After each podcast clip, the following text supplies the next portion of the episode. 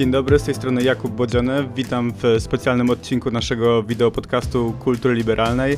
Możecie nas oglądać na żywo na Facebooku i YouTubie, a później na najpopularniejszych e, serwisach streamingowych. Pamiętajcie, żeby zasubskrybować e, nas na waszej ulubionej platformie, co ułatwi wam dostęp do najnowszych odcinków podcastu, a nam pomoże docierać do większej liczby osób.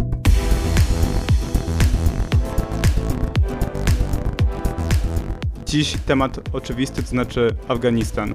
20 lat, 2 biliony dolarów, nawet 170 tysięcy ofiar wśród cywilów, 300 tysięcy przeszkolonych afgańskich żołnierzy.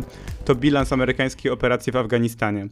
Talibowie zaledwie w ciągu 10 dni przejęli kontrolę nad praktycznie całym krajem, a dramatyczne sceny z lotniska w Kabulu zapiszą się w historii. Prezydent Joe Biden broni swojej decyzji o wycofaniu wojsk kraju. Czy możliwy był inny scenariusz? Jaka czeka przyszłość e, Afganistan? O tym rozmawiam dzisiaj z doktorem Piotrem Łukaszewiczem, ostatnim ambasadorem RP w Afganistanie, byłym atasze wojskowym w tym kraju, pułkownikiem rezerwy sił zbrojnych RP, a obecnie analitykiem polityki Insight. Witam serdecznie. Dzień dobry Państwu. Panie Piotrze, rozmawialiśmy ostatnio w połowie lipca. Czy Pana zaskoczył bieg wydarzeń? Tak. Tak, to oczywiście było zaskakujące sprzeczne w zasadzie z, z oczekiwaniami, przede wszystkim polegającymi na tym, że jednak państwo afgańskie będzie się, to, to tak zwane demokratyczne państwo afgańskie będzie się broniło przed ofensywą talibów. Tymczasem okazało się, że dosłownie w ciągu dziewięciu dni y, armia afgańska nie tyle się poddała, nie tyle przegrała jakąś bitwę, nie tyle nawet przeszła na stronę przeciwnika, co byłoby zgodne z jakąś historią afgańską również, ale po prostu rozpłynęła się w powietrzu. I e, oczywiście pierwsze reakcje w tym społeczności międzynarodowej. Wczoraj Joe Biden obwiniał Afgańczyków, że nie chcą walczyć i że generalnie to jest to, co obserwujemy teraz, to jest ich wina. Są oczywiście takie, no właśnie, że, że pierwsze reakcje są takie, żeby obwinić armię afgańską, która rzekomo miała być niezdolna do, do, do walki. Ja powiem szczerze, nie jestem przekonany, do tezy o tchórzostwie afgańskiej armii, ani, ani afgańskich urzędników, policjantów, Dlaczego? żołnierzy, ponieważ oni prowadzili od 20 lat, ci ludzie stojący po stronie rządowej, bardzo zaciekłą walkę z talibami. To na nich spoczywał ciężar tej wojny. To oni ponosili największe straty. To też między nimi a talibami była największa ilość nienawiści, jaką można sobie wyobrazić, ponieważ była to wojna bratobójcza wojna, wojna, wojna domowa po prostu. I też y, posługuje się przykładami z polskiej, z polsko-afgańskiej historii. E, pamiętam taki duży zamach na, na bazę polską, e, na bazę Gazni, kiedy doszło do wkroczenia wkroczenia zamachowców samobójców na teren bazy. To była bardzo dramatyczna historia. Polacy siedzieli wtedy w bunkrach, no bo takie są procedury. Siedzieli w bunkrach, a to właśnie armia afgańska, policja afgańska nawet ruszyła na pomoc i zlikwidowała większość, większość zamachowców, więc mam przed oczami wiele obrazów świadczących o bitności tych, tych, tych żołnierzy i tych policjantów. Natomiast y, tajemnica ich zniknięcia, ich rozpłynięcia się w powietrzu, jak to określam, no jest związana z jakąś taką moją nieśmiałą tezą o tym, że, że odgrywa, rozgrywa się jakieś porozumienie wewnątrz afgańskie pomiędzy dotychczasowym rządem, reprezentowanym wciąż w Kabulu przez Hamida Karzaja, byłego prezydenta, przez byłego wiceprezydenta Abdullaha Abdullaha. Oczywiście prezydent Gani, Ashraf Gani, postać ponura i e, bezsensowna, jak się okazuje w afgańskiej historii. On uciekł bardzo szybko do Tadżykistanu. Tak, w niedzielę uciekł. I przypomnijmy jeszcze, że jest autorem książki między innymi Fixing the Failed States. Tak, e, jest specjalistą, specjalistą od, od państw upadłych. Swojego państwa nie potrafił na, naprawić, sam upadł i przejdzie do tej gorszej afgańskiej historii, powiedziałbym. Gdzieś około mniej więcej będzie porównywany być może z szachem Szudżą z XIX e, wieku, który również Brytyjczyków sprowadził, a sam uciekł, uciekł z Kabulu. Naprawdę postać e, straciłem do niego resztkę szacunku, dowiedziawszy się, jeszcze Rosjanie twierdzą, TAS twierdzi, rosyjska agencja informacyjna, że uciekł z walizkami pieniędzy, więc to już by zupełnie pognębiało jego, jego wizerunek. No w każdym razie nieważne. To, co się za szrafem Ganim dzieje, to już jest zupełnie nieistotne. Zostali w Kabulu jednak Hamid Karzai, Bulbuddin Hekmatyar, Abdullah Abdullah, szereg innych polityków, którzy jako żywo mieli prawo obawiać się, że będą e, obiektem no, srogiej zemsty talibów za, że no, rządzili tym krajem przez 20 lat i, i z talibami walczyli. Czasami bardzo okrutnie ich wojska też walczyły.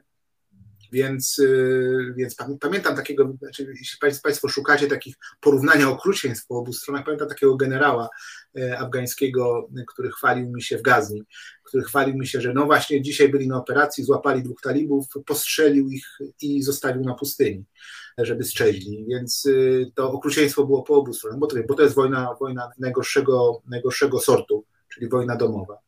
Więc te emocje były straszliwe między obiema stronami. Nagle okazuje się, że talibowie wchodzą w zasadzie bez jednego strzału do, do, do, wszystkich miast, przejmują Kabul, nie dlatego, żeby nie zdobywają go zbrojnie, jak w latach 90. po dwuletnim oblężeniu niemalże, ciężkich walkach o strzale rakietowym, artyleryjskim, ale po prostu wchodzą i zaczynają kierować ruchem samochodów i zwalczać bandy kryminalne, które rozpoczęły jakieś tam grabieże sklepów więc wchodzą jako siła no niemalże przygotowana do pełnienia, pełnienia e, swojej funkcji państwowej. Talibowie wchodzą do Kabulu pierwszego dnia, zaczynają kierować ruchem, a następnego dnia wysyłają swoją delegację do Urzędu Energetyki Miejskiej i mówią tamtejszym inżynierom, że macie utrzymać prąd dla miasta. Więc to jest, to jest y, dość y, nawet zabawna scena moim, moim zdaniem. Po czym jeden z ich przywódców od, od spraw mediów udziela wywiadu kobiecie dziennikarce największej stacji telewizyjnej. Więc to jest naprawdę, naprawdę pocieszne, gdyby nie te straszne sceny z, z, z lotniska afgańskiego.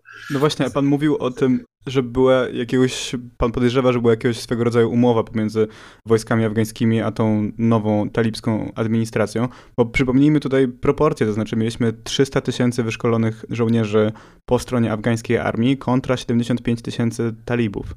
I przez to, że ten konflikt stał się no, tak bardzo medialny, to każdy, że tak powiem, postanowił wypowiedzieć swoją opinię na ten temat.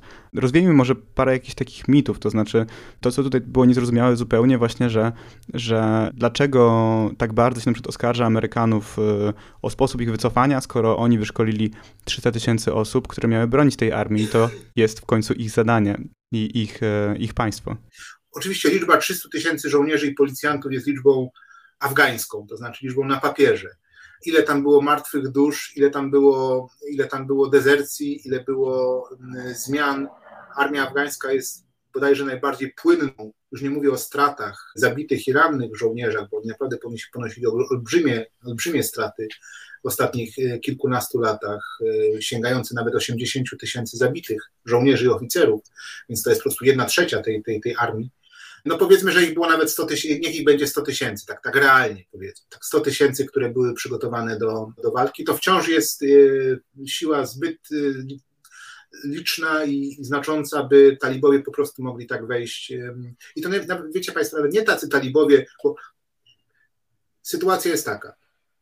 Talibowie głównie rządzą na, na południu i na, na wschodzie. Zdobywają miasto Kandahar, to jest ten ich matecznik taki powiedzmy, stara stolica Afganistanu.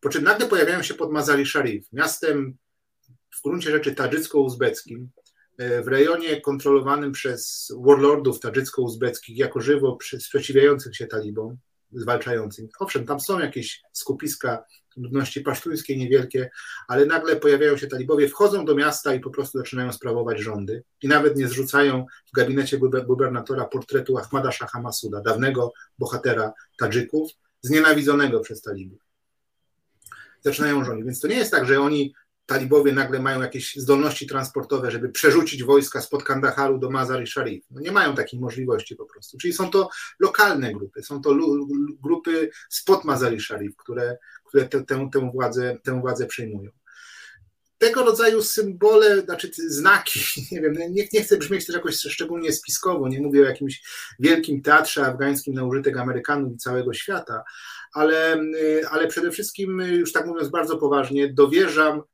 dowierzam propagandzie talibskiej, która nagle stała się polityką, polityką sprawowania, sprawowania władzy. Dowierzam w tym sensie, że to, co, my, co myśmy słyszeli od talibów przez ostatnie 5-8 lat, kiedy oni założyli tą swoją ambasadę w Katarze i głosili różne swoje aspiracje polityczne i mówili, no będziemy szanowali kobiety, aczkolwiek w zgodzie z prawem islamskim, cokolwiek by to miało znaczyć. Utrzymamy edukację, no ale to będzie edukacja islamska. No i tak sobie mówili te różne rzeczy, że chcą pokoju i przede wszystkim mówili, że chcą wycofania się Amerykanów.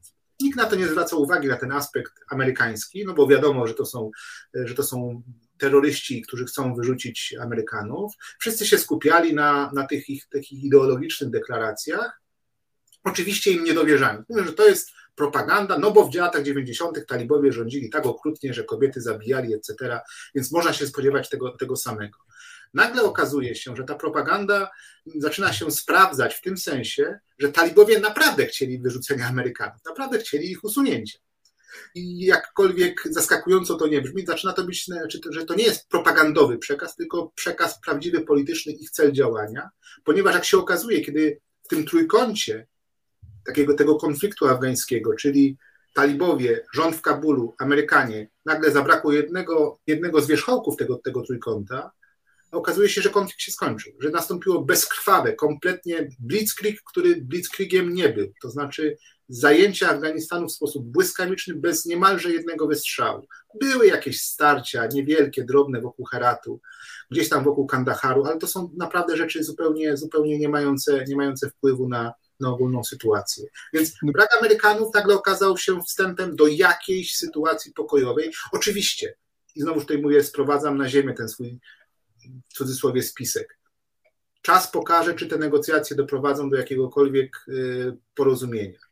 Zakładam, że talibom zależy na tym, żeby rozmawiać z Abdullahem, Abdullahem Abdullahem, Hamidem Karzajem, innymi politykami, ponieważ są oni im potrzebni. Ponieważ ci politycy mają to, czego nie mają talibowie. Mają uznanie, kontakty międzynarodowe. Ich obecność w Afganistanie gwarantuje, że będą tam płynęły pieniądze. Talibowie, owszem, rozmawiają z Rosjanami, którzy się strasznie cieszą i chwalą, jak oni mają świetne kontakty. Z Chińczykami również. Z Chińczykami również. Oczywiście, że tak. Mają ich, mają ich uznanie z pewnością. Oba te mocarstwa cieszą się, że Amerykanom się noga powiodła i teraz mogą mówić, że Ameryka jest w odwrocie. Natomiast ani Rosjanie, ani Chińczycy nie dadzą złamanego grosza, rubla i riena na odbudowę Afganistanu. Nawet nie tyle na odbudowę, bo to jeszcze by tam jakieś humanitarne pieniądze dali, ale na utrzymywanie codzienne tego kraju, tego rządu, jakikolwiek on by on, by on nie był. To są, duże, to są duże sumy, to są miliardy dolarów tak naprawdę potrzebne na funkcjonowanie państwa. Więc jeśli talibowie chcą mieć pokój społeczny w takim mieście jak Kabul, sześciomilionowym, nowoczesnym, nowoczesną metropolią, gdzie nie da się od tak cofnąć jej do średniowiecza lat 90., no to muszą ten wspomniany przeze mnie urząd energetyczny jakoś utrzymywać. Bo ta energia płynie skąd? Z Uzbekistanu. Nie jest produkowana na miejscu nawet. Nie ma elektrowni w Afganistanie, która by mogła produkować prąd dla takiego miasta jak Kabul. Jest elektrownia gdzieś tam w Helmandzie, wodna, ledwo, ledwo zipiąca. Prąd jest kupowany z Tadżykistanu, z Uzbekistanu liniami energetycznymi pociągniętymi przez Amerykanów. Jeśli chce się mieć prąd w mieście, żeby nim rządzić jako tako, trzeba mieć pieniądze na to, trzeba mieć wsparcie, wsparcie zagraniczne, a na tym Afganistan był oparty. No tak, ale z jednej strony ja przyznam szczerze, że te obrazki, które płynęły z ofensywy talibów, ale też właśnie już z miast zajętych przez nich były no surrealistyczne w pewnym sensie. To znaczy mieliśmy talibów, którzy wesoło, nie wiem, ćwiczą na siłowni, czy jedzą lody. Był nawet yy, taka scenka, że oni jeżdżą takimi autkami w Luna Parku i się świetnie bawią. No ja miałem wrażenie, jakbym oglądał po prostu jakiś taki tragikomiczny tragikomiczny spektakl. Jednocześnie pan wspomniał już o tym, że rzecznik talibów zadzwonił podczas programu BBC i zapewnił tam w tej no, jednym z najsłynniejszych mediów na świecie, zapewnił o amnestii wobec wszystkich, że nie będą talibowie się mścić. Również wspomniał kwestię praw kobiet. Talibowie nawet zdążyli w jednej z wypowiedzi skrytykować cenzorskie zapędy Facebooka. Pan mówi, że po części jakby można uwierzyć w tę propagandę. Czy pan wierzy w to, że rzeczywiście talibowie, że warunki zewnętrzne zmusiły talibów do przemiany i że to są już inni ludzie, inny, inny ruch niż w latach 90., czy w 2001 roku, kiedy talibowie musieli się wycofać z wielu miejsc w Afganistanie? To dość zabawne, bo podczas naszego ostatniego wywiadu w lipcu miałem trochę krótszą brodę, teraz ją intensywnie zapuszczam, co w połączeniu z moim, moimi pochwałami i wiarą w talibów sprawiać może... Ja nie chciałem tego sugerować. Cokolwiek, cokolwiek y, dziwne, dziwne wrażenie. Nie, ja oczywiście talibów nie popieram i oczywiście moja wiara, tak zwana, w cudzysłowie wiara, polega na raczej na takiej, no właśnie mówię, na analizie tego, co, co, co do nas dociera, i e, też uznaniu, że ja znałem, słyszałem od nich również ich intencje wypowiadane do mnie bezpośrednio, czy w ich mediach i tak dalej, przez całe te, przez kilka lat mojej pracy w Afganistanie, przez kilkanaście lat obserwowania Afganistanu. I, I, wiem, że zawsze one by spotykały się z kompletnym niezrozumieniem Zachodu, bo zawsze wychodziły te, ta panika moralna Zachodu, a co z kobietami, a co z prawami człowieka, co z wolnymi mediami. I oczywiście są to sprawy fundamentalne, które, o które należy się bić i walczyć o to, żeby one zostały utrzymane. Natomiast nikt nie, nie sięgał dalej do zrozumienia, kim są talibowie, czy są aktorem racjonalnym, czy są aktorem ideowo takim, wie pan, wiecie państwo, jak, jak ISIS, tak? czyli państwo islamskie, które było aktorem apokaliptycznym, które tu i teraz chciało mieć rewolucję, która zmiecie cały porządek świata i stworzy raj na ziemi. Talibowie nie są rajem na ziemi jakkolwiek i nie chcą raju na ziemi, chcą mieć, są ruchem politycznym głęboko, głęboko wsobnym, głęboko nacjonalistycznym, skrajnie paternalistycznie konserwatywnym, gdzie rzeczywiście rola kobiet jest taka, jaka według nich powinna być na wsi pod Uruzganem, Uruzganie, czy pod, pod Kandaharem. Natomiast yy, też popieram stanowisko, które by mówiło o tym, że talibów trzeba zrozumieć, czego oni też również chcą poza, poza, poza tym, co nas przestrasza, nas jako Zachód, przeraża. To jak z tymi burkami. Wszyscy się boją tych burek afgańskich, mówią, że to jest symbol największej opresji afgańskiej. Tymczasem historia burki sięga 100 lat, kiedy burkę nosiły tylko damy dworów szacha afgańskiego. I był to symbol wysokiego statusu społecznego, który później na drodze procesów społecznych przeszedł na, na niziny. A teraz, w czasie zwłaszcza wojny domowej, jest środkiem dla kobiety obrony przed potencjalnym napastnikiem. Mhm. Więc, więc te, te mity afgańskie, one są, one są bardzo mocno rozbudowane i warto byłoby też starać się je trochę przenikać. I znowu mówię, nie tłumaczę talibów, nie jestem ich Taliban Versteyer, żeby tłumaczyć, że, że ich władza jest y, właściwa, że powinni, że hura zwyciężyli z Amerykanami. Nie, nie, absolutnie nie. Mówię tylko, staram się zrozumieć to, co się stało, bo dla mnie było to szokiem. Ten ostatnie 10 dni przed, przed zdobyciem Kabulu i włącznie zdobyciem, było to dla mnie szokujące mówiłem pewnie, nie pamiętam dokładnie, ale pewnie mówiłem w naszym, naszym poprzednim spotkaniu, daję rządowi 6 miesięcy, czy tam daję, nie wiem, tak, rok. Dokładnie tak było. Ile, ile, ja tam dawałem. Ale to wie pan, dawał pan i tak mniej miesięcy niż na przykład amerykańskie agencje wywiadowcze, które mówiły o 18 miesiącach, zanim Kabul w ogóle będzie zagrożony przez talibów. No, no tak czy inaczej, tak czy inaczej, dla mnie to jest, było to zaskakujące, szokujące. Nie mogłem uwierzyć w to, co się dzieje że po prostu mówię, armia afgańska nie została pokonana, nie została rozbita, nie została, nie przeszła na drugą stronę, jak Dostum w latach 90., taki generał, generał komunistyczny, który poszedł na stronę mujahedinów i w ten sposób pokonali komunistyczny rząd. Armia afgańska rozpłynęła się jak mgiełka nad pustynią afgańską. Nie ma jej. Nie wiadomo, co się z nią stało. Zostało trochę karabinów, hamerów, czołgów, nawet śmigłowców. Nie wiadomo, co się, co się, z, tymi ludźmi, co się z tymi ludźmi stało. I próbuję to zrozumieć, próbuję sobie jakoś to zracjonalizować. I mówię, ten, ten fakt, że Abdullah Abdullah, człowiek, na którego były, na którego ostatni zamach był bodajże w marcu bieżącego roku, zamach samobójczy na jego dom, w tym roku, nie pamiętam dokładnie, w każdym razie w ciągu ostatniego roku, czy Hamid Karzai, na którego, w którego zamachu uczestniczyłem jako, jako obserwator na stadionie, na stadionie w Kabulu, no to on był cały czas poddany groźbie zastrzelenia, wybuchnięcia, zbombardowania i tak dalej przez, przez talibów. Hamid Karzai jest wybitnym politykiem, niesłychanie szczwanym, przebiegłym i, i, doskonale rozumiejącym y, sytuację w Afganistanie lepiej niż my wszyscy razem wzięci. I wiem, że ten człowiek, gdyby czuł zagrożenie, ma małe dzieci, urodziła mu się trzy lata temu, ma trzyletnią córeczkę i, i dwójkę jeszcze trochę, trochę starszych, trochę starszych dzieci. Mieszka w Kabulu Hamid Karzai w tej samej willi, pobliżu MSZ-u i ambasady chińskiej, w której ukrywał się Najibullah, ostatni komunistyczny przywódca afgański, z którego talibowie go wyciągnęli na sznurze, powiesili i powiesili na latarni. Tutaj symbole są nieprawdopodobne, a jednak Hamid Karzaj, ten człowiek, który, jak go kiedyś obserwowałem, jak wchodzi na tap samolotu, to jest otwarta przestrzeń, mnóstwo dachów, gdzie mogą być jacyś, nie wiem, snajperzy, zamachowcy. On wskakuje, wskakiwał po schodach, bo się po prostu bał, że ktoś go może zastrzelić w tym od, momencie odkrycia. I nagle ten człowiek zostaje w Kabulu i mówi: rozmawiajmy. A tak no odpowiadają, zróbmy rząd inkluzywny, jak oni to określają, piękną angielszczyzną w BBC.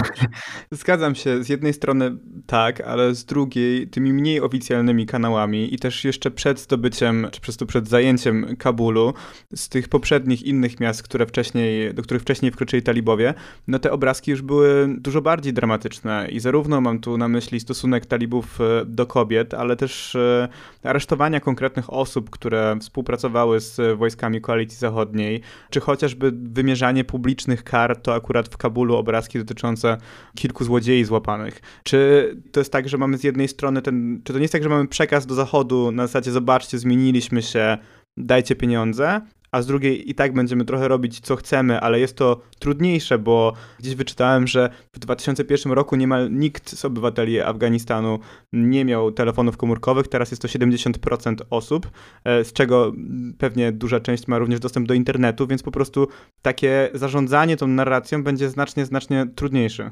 Co złego jest w aresztowaniu trzech złodziei, będąc kupcem afgańskim, któremu obrabowano sklep? Nie będąc subtelnym, subtelnym y, piewcą systemu liberalnego systemu sprawiedliwości, ale będąc kupcem afgańskim, którego właśnie obrabowano. Co złego jest w zatrzymaniu trzech złodziejaszków, pobiciu ich i wsadzeniu im pistoletu w usta i tak, w taki sposób ich sfotografowaniu, bo pewnie o tym zdjęciu pan mówi. Dokładnie. No, no wiem, no, oczywiście znowuż troszeczkę, troszeczkę oczywiście naginam, przeginam, ale ale jednak, e, jednak ten, ten spokój, jaki oni takimi zdjęciami gwarantują i takim przekazem, jaki gwarantują spokój, czy też stabilność, może się części Kabulczyków spodobać.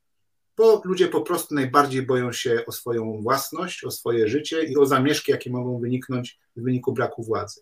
Więc talibowie na swój toporny, brutalny, sposób pokazują, że no, będziemy tutaj dbali o, o, o, wasze, o wasze mienie, będziemy kierowali ruchem, będziemy dbali o prąd w mieście, etc., etc. Owszem, jest to straszne, niezgodne z naszymi oczekiwaniami i tak dalej, ale no, Afganistan taki jest. Taki był zawsze.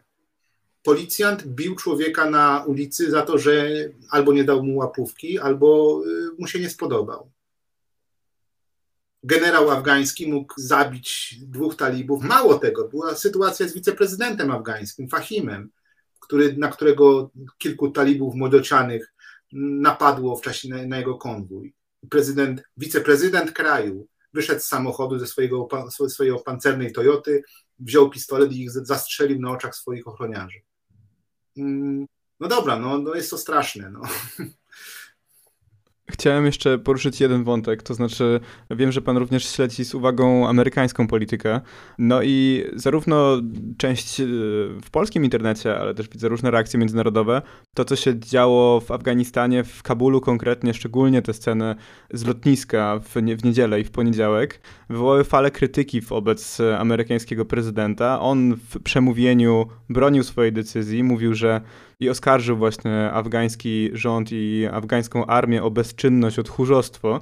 Czy, czy pan myśli, że ta decyzja zostanie zapamiętana, to, że Biden zakończył wojnę w Afganistanie, czy to w jaki sposób to zrobił? To, że zakończył wojnę w Afganistanie było decyzją znowuż racjonalną, wojskowo uzasadnioną, Przyszłościowo również jego wyjaśnienia były dość, dość wiarygodne. No po co siedzieć w, w kraju, z czego podobno nic dobrego nie wynika? Przede wszystkim badania opinii publicznej w Ameryce pokazywały jakieś duże poparcie dla tego rodzaju decyzji, więc ona była decyzją racjonalną, uzasadnioną. Sposób, jak to się potoczyło no, natomiast, te sceny chaosu, te potworne po prostu zdjęcia e, samolotów startujących w tłumie biegnących Afgańczyków i zabijających, te samoloty zabijały, czy miażdżyły tych, tych, tych ludzi, no z pewnością nie, nie stwarza wrażenia, jakoby operacja była przygotowana i przeprowadzona zgodnie z wojskowym ordynkiem, że tak powiem, i dyplomatycznym zamysłem, czy też nie mówiąc o jakiejś strategii.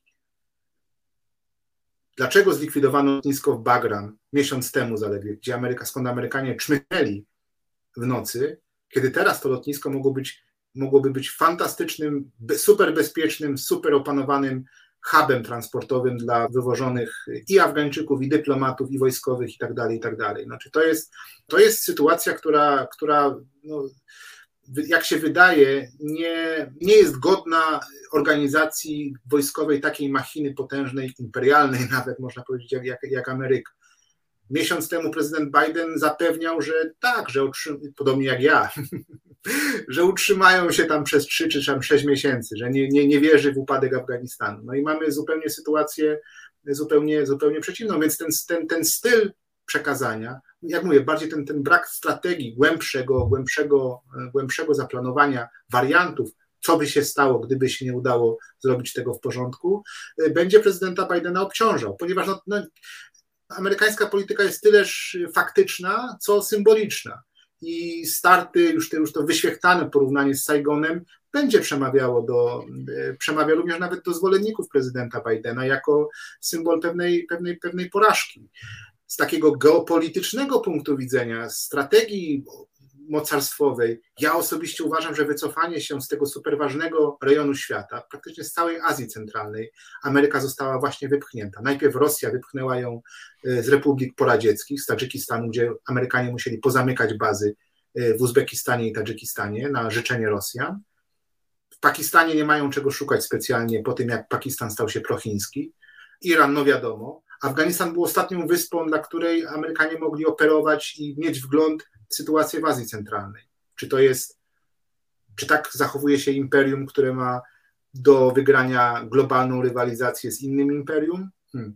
No można tutaj, i tutaj pewnie wyborcy będą sobie, czy też ludzie interesujący się, ja wiem, że Amerykanie mogą się nie interesować polityką zagraniczną, ale ta symboliczny, ten symboliczny wymiar jest dla nich jakoś tam istotny. Oczywiście to nie jest przesądzone, czy się Joe Bidenowi ten, ta, ta porażka Y, doraźna bardzo, tak powiem, omsknie mu się, czy, czy, czy Amerykanie sobie to jakoś wyjaśnią, czy wręcz przeciwnie będzie tak przedmiotem kampanii do wyborów połówkowych przyszłego roku y, do kongresu. No właśnie, znaczy też wydaje mi się, że ważne jest też tutaj przypomnieć naszym widzom, że ta kwestia Afganistanu dotychczas w polityce była amerykańskiej taką kwestią ponadpartyjną, to znaczy zarówno Bernie Sanders bardzo entuzjastycznie zareagował na, na plany Joe Bidena wyjścia z Afganistanu, a przecież jeszcze w lipcu, bodajże w okolicach naszej poprzedniej rozmowy, Donald Trump na publicznym wiecu powiedział, że to on podjął tę decyzję i nawet gdyby Biden próbował ją zatrzymać, to i tak już jest za późno i to on jest odpowiedzialny za to. W tym momencie oczywiście jeszcze chwaląc się tym splendorem właśnie, że żołnierze amerykańscy wracają do domu. I plus jeszcze tylko dodam, że w sondażu w zeszłym miesiącu 70% Amerykanów popierało taką decyzję. Więc właśnie, znaczy, to jak się to ostatecznie, jak to zaważy na prezydenturze Bidena, będzie, no, będzie pewnie się jakoś zmieniało, będzie, będzie rzeczą, rzeczą zależącą od wielu, wielu czynników. Nie, nie, nie śmiem twierdzić, że to będzie jakiś definiujący moment Bidena. Jest to na pewno ważny moment jego prezydentury. I, i kiedy ona będzie podsumowywana, to, to ta historia, która się właśnie zadziała na naszych oczach, ta wielka historia, będzie, będzie, mu, będzie mu wypominana, będzie przytaczana. Natomiast y, no, racjonalne argumenty za, za wycofaniem, jak pan wskazał, były poszukiwane przez wszystkie strony praktycznie, praktycznie życia politycznego amerykańskiego, natomiast nie takim wycofaniem, to na pewno. Nikt nie będzie chciał wziąć na siebie tej sceny ludzi wypadających z podwozia samolotu startującego. No to, jest, to jest coś, co absolutnie, absolutnie woła o pomstę do nieba i, i, i słusznie i słusznie, bo, mhm. bo, być może można to było zrobić inaczej. Ja twierdzę, że. Właśnie, czy, czy, czy, można elegancko przegrać wojnę? To jest chyba to pytanie. Nie, nie trzeba było przegrywać wojny. Można było zostawić kontyngent niewielki, trzytysięczny w Afganistanie. Można było, można było taki kontyngent zostawić. Amerykanie siedzą, siedzieli w Niemczech bardzo długo, w Japonii. Wiem, że to nie są porównywalne sytuacje, że tam nikt, nikt do, nich, do nich nie strzelał. Ale jeśli mówimy o kosztach, to na pewno nie jest to najdroższa z amerykańskich operacji. Jeśli mówimy, znaczy jako sposobu uprawiania polityki takiej mocarstwowej globalnej. Można było ten kruchy kompromis próbować jakoś utrzymywać, bo ewidentnie widać, że Afganistan, i teraz są dwa wyjścia, albo się, albo upadł i stał się rządem talibów na nowo, albo stał się państwem pokojowym na skutek porozumienia wewnątrz afgańskiego. Te dwa, te, te, te, te są dwie alternatywy, ale tylko to dlatego się stało, że Amerykanie wyszli. Więc można było oczekiwać innego, być może innego również scenariusza dla trwania, no właśnie, takiego, takiego po prostu realistycznie pojmowanego, mówię o to jako realizmie, jako teorii politycznej, politologicznej, międzynarodowej, po prostu, że, że jest to ważne, ważne miejsce w tej rozgrywce, w rozgrywce mocarstw. No bo właśnie, no bo, bo, bo, bo to uruchamia te wszystkie plugawe, powiem szczerze, propagandy rosyjskie i chińskie zwłaszcza, że Ameryka, no tak, jest, pytanie... Ameryka jest w odwrocie, że Ameryka nie, że nie można ufać, to też ta polska... Na polskiej prawicy podobne zresztą są głosy. No właśnie, szukam jakiegoś wystarczająco obelżywego słowa, ale, ale może nie będę, nie będę używał. Mówiąca, że no zdradzili Afganistan, to teraz zdradzą Polskę, tak, że to się wpisuje w tę, w tę politykę wewnętrzną w Polsce, związaną z naszym obecnym konfliktem, konfliktem polsko-amerykańskim, o, o media, o, o własność poholokaustową i, i tego, tego, rodzaju, tego rodzaju sygnały, one bardzo są, ta propaganda rosyjsko-chińska bardzo dobrze w części tych środowisk naszych prawicy, nie wiem, skrajnej czy prawicy, no głupiej prawicy na pewno, funkcjonuje, przyjmuje się bardzo dobrze.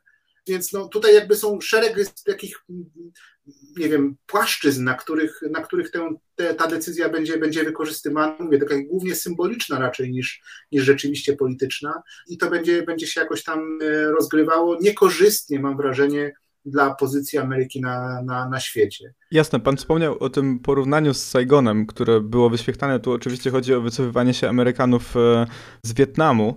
E, pytanie, no oczywiście te obrazki były jednoznaczne. To tam, tam, mieliśmy na przykład zdjęcie śmigłowca, który ewakuował personel ambasady amerykańskiej zarówno w Kabulu, jak i, jak i w Saigonie, czy podobne obrazki z lotniska e, w jednym i w drugim miejscu. Natomiast no, wycofanie się i zakończenie konfliktu w Wietnamie nie przeszkodziło Amerykanom w wygraniu zimnej wojny, więc może to też jest narracja, która jest tak przedstawiana, że to jest zakończenie konfliktu, który właśnie odciąży Amerykę tak naprawdę, żeby móc się skupić na prawdziwych wyzwaniach. Tu oczywiście mamy w domyśle Chiny. Jest też ta teza, którą jakoś tam nawet bym chętnie bym się w niej przyjrzał bliżej, że kłopoty z Afganistanem wciągną Rosję do Azji Centralnej na powrót, tak uwiążą ją tam wojskowo, może odciążą Ukrainę w ten sposób. Na pewno no, to, jest, to, są, to, są, to są takie troszeczkę gry w tej chwili. Jest, jest środowisko w Polsce geopolityków, pożal się Boże, którzy, którzy takie będą pewnie gierki sobie szachowe rozstawiali, te pionki na mapie i mówili, co z tego wynika, że coś tam się stało.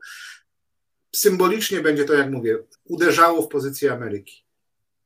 Z pewnością jest wiele racjonalnych powodów, dla których, dla których należało to zakończyć, również, również tych związanych z, no, no, z, tym jednak tym poczuciem w ogóle 20-letniego zawodu, jakim była globalna wojna z terrorem i tego, tego, tego hybris zachodniego mówiącego o tym, że można przenosić jakieś wartości, że można dokonywać, dokonywać w imię w imię demokracji, no inwazji, próbować przeszczepiać różne, różne systemy polityczne na, na, na, na miejsca, które rzekomo na, na demokrację nie są gotowe, bo mówię tutaj bardzo podkreślam, rzekomo nie są gotowe. Afganistan jest prostym krajem, gdzie prosty system demokratyczny jest jak najbardziej był zrozumiały. To jest temat na inną rozmowę.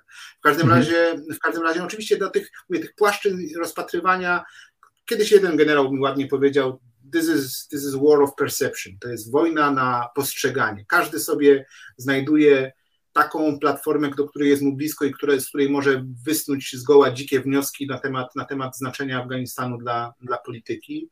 I no mówię, to, ta, ta, ta historia, ta historia, ja mam i moja analiza, że tak powiem, wracam do, do, do początku naszej rozmowy, moja analiza taka trochę afgańska, ale też uczciwie przyznaję, zabarwiona emocją mocno proafgańską i propokojową w Afganistanie, mówi mi, że być może toczy się jakaś, jakieś, że toczą się rozmowy pokojowe i że to jest nieco było taki trochę teatr przed naszymi oczami, który będzie zmierzał do jakiegoś afgańskiego, trochę brudnego, trochę dziwacznego porozumienia wewnętrznego. Tego Afganistanowi wszystkim życzę. A czy moja teza się, analityczna się sprawdzi, to będziemy oczywiście obserwować w ciągu następnych tygodni, miesięcy. I na pewno jeszcze do tego będziemy wracać. Mam tylko jeszcze ostatnie pytanie od e, naszego widza, który pyta, czy zwycięstwo talibów jest ostateczne, czy podobnie jak w 2001 roku część Afganistanu pozostanie pod kontrolą jakiejś nowej wersji Sojuszu Północnego, który skupi tych, którzy nie chcą się pogodzić z rządami talibów. To bardzo ciekawe pytanie, zwłaszcza ta, bo mam wrażenie, że na pierwszą część o tej ostateczności trochę rozmawialiśmy, ale to ciekawe jest to pytanie o ten Sojusz Północny, czyli te ugrupowania tak zwane północne, tadżyckie, uzbeckie, które tworzyły w czasach okupacji sowieckiej tak zwany Front Północny, Sojusz Północny, on różnie był nazywany, grupa siedmiu, tak zwanych siedem tanzimów afgańskich y, operujących z Peszawaru. To były generalnie porozumienia partii takich ponadetnicznych, również pasztuńskich, tadżyckich, uzbeckich, hazarskich, które najpierw walczyły, najpierw walczyły z, e, z Rosjanami, a później weszły płynnie w wojnę domową między sobą, a w czasie, kiedy talibowie dominowali w całym, prawie w całym kraju, były takimi y, zarodkami oporu przeciwko talibowi. No, mówimy tutaj o jakiejś, właśnie ta słynna Dolina Panshiru, którą pewnie widz y, kojarzy, była tym miejscem, którego talibowie, no, oni tam weszli dość mocno, ale nie zdobyli całkowicie. Tym razem została zdobyta na przykład. Więc to, co dzieje się teraz, tak, tak, że to, to, że tak chciałem wytłumaczyć, o co chodzi z tym Sojuszem Północnym. Natomiast to, co dzieje się teraz, jest też bardzo ciekawe, ponieważ Pojawiły się kilka dni temu informacje, że również Panshir, czyli ta właśnie ten matecznik Sojuszu Północnego, również padł, e, wpadł w ręce talibów, po czym zostało to zdementowane. I rzekomo syn zabitego 9 września 2001 roku, dwa dni przed zamachami w Waszyngtonie, Ahmada Shaha Masuda, organizuje jakąś grupę antytalibską, która miałaby odtwarzać właśnie te, te, te schematy y, lat 90., no i być jakimś takim zalążkiem oporu. Rzekomo odzyskali jeden z dystryktów, Charikar, y, który jest takim, leży u wejścia do, do tej gardzieli Doliny, Doliny Panshiru, takie miasto, miasto, miasto Charikar. Więc coś tam się dzieje. Na pewno politycy wywodzący się z byłego sojuszu, znaczy z tego sojuszu północnego, czyli Bismillah Khan, były szef sztabu, zastępca prezydenta, Amrullah Saleh, szef wywiadu. Ten naprawdę nie ma, nie, nie cieszy się popularnością wśród talibów jako szef, były szef służb specjalnych, wyjątkowo ostro ich zwalczających. No, rzekomo mają coś organizować. Nie wiem, jak to się wpisuje. Na razie są to wątłe, zdaje się, ruchy. Nie wiem, no, sam Abdullah Abdullah, który, jak wielokrotnie tutaj o nim mówiliśmy, również był politykiem Frontu Północnego, Sojuszu Północnego, a tymczasem on właśnie negocjuje z talibami. Więc e, jest to, jest to rzeczywiście ciekawe, jak ten, jak, ten, jak ten dawny Sojusz Północny będzie, czy będzie się odtwarzał, czy, czy się odtworzy, czy będzie, jakie działania będzie podejmował. Nie śmiem przesądzać, e, czy, czy to jest takie proste odtworzenie lat 90.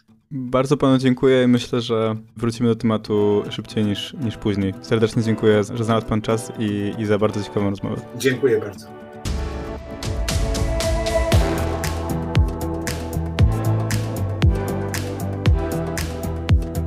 Dziękuję również Państwu, że byliście dzisiaj z nami oraz e, mojej wydawczyni Aleksandrze Sawę, która obsługiwała dzisiejszy program. Bardzo jestem wdzięczny wszystkim osobom, które nas wspierają, finansowo i dobrym słowem. Jeśli chodzi o wsparcie finansowe, można to zrobić na przykład przez portal Patronite czy przelewy bankowe. Bardzo do tego zachęcamy, bo ten i inne programy kultury liberalnej, czyli środowy widok z K2 Karoliny Wigury i Katarzyny Kasi oraz czwartkowe Prawo do Niuansu, prowadzone przez Jarosława Kujisza, ukazują się tylko dzięki Waszemu wsparciu. Dzięki serdeczne i do zobaczenia niedługo.